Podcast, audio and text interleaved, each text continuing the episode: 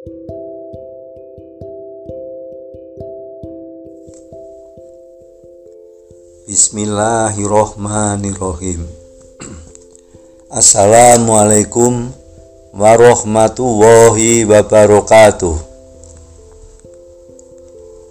Alhamdulillahirabbil alamin Wassalatu wassalamu ala asrofil anbiya'i wal musalin walali wasohbihi ajmain Bapak, Ibu, dan saudara-saudara yang dirahmati Allah Puji syukur kita haturkan kehadirat Allah Subhanahu wa taala yang atas limpahan rahmat dan hidayahnya kita dimudahkan untuk melaksanakan berbagai ketaatan dan ibadah kepadanya.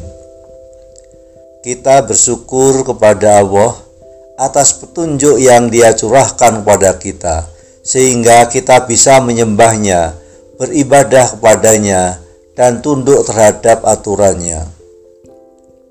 Betapa banyak manusia di alam ini yang tersesat, sehingga mereka tidak menyembah Allah, namun yang mereka sembah sebenarnya adalah setan.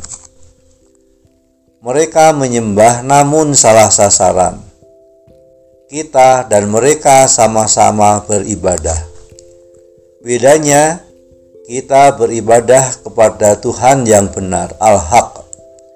Sementara mereka beribadah kepada Tuhan yang batil, menyembah togut yang tidak layak untuk disembah.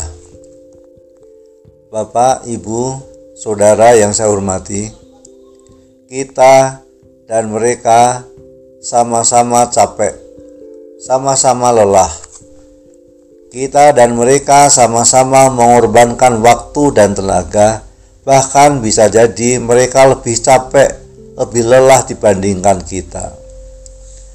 Allah bermin, berfirman menceritakan keadaan salah satu ahli neraka. Amilatu nasibah Nasla naron hamiyah Yang artinya Rajin beramal lagi kepayahan namun memasuki api yang sangat panas atau neraka. Itu disebutkan di dalam Quran surat Al-Ghoshiyah ayat 3 dan 4. Ibnu Kasir dalam tafsirnya menyebutkan satu riwayat dari Abu Imran Al-Jauni bahwa suatu ketika Umar bin Khattab radhiyallahu an pernah melewati sebuah kuil yang ditinggali seorang rahib Nasrani. Umar pun memanggilnya. Hai rahib. Rahib itu pun menoleh. Ketika itu Umar terus memandangi sang rahib. Dia perhatikan ada banyak bekas ibadah di tubuhnya. Kemudian tiba-tiba Umar menangis. Beliau pun ditanya, "Wahai Amirul Mukminin, apa yang membuat Anda menangis? Mengapa Anda menangis ketika melihatnya?" Umar menjawab, Aku teringat firman Allah dalam Al-Quran yang artinya rajin beramal lagi kepayahan namun memasuki neraka yang sangat panas. Itulah yang membuatku menangis melihatnya. Bapak dan Ibu, saudara semuanya, kaum muslimin yang berbahagia. Tahukah Anda mengapa mereka di neraka? Mereka rajin ibadah, namun semua sia-sia, justru mengantarkan mereka ke neraka. Apakah Allah menjalimi mereka? Tentu tidak. Karena Allah tidak akan pernah menjalimi hambanya. Allah haramkan dirinya untuk menjalimi hambanya. Lalu apa sebabnya? Tentu saja semua itu kembali kepada pelaku perbuatannya. Sebabnya dia salah dalam beribadah. Dia beribadah namun salah sasarannya.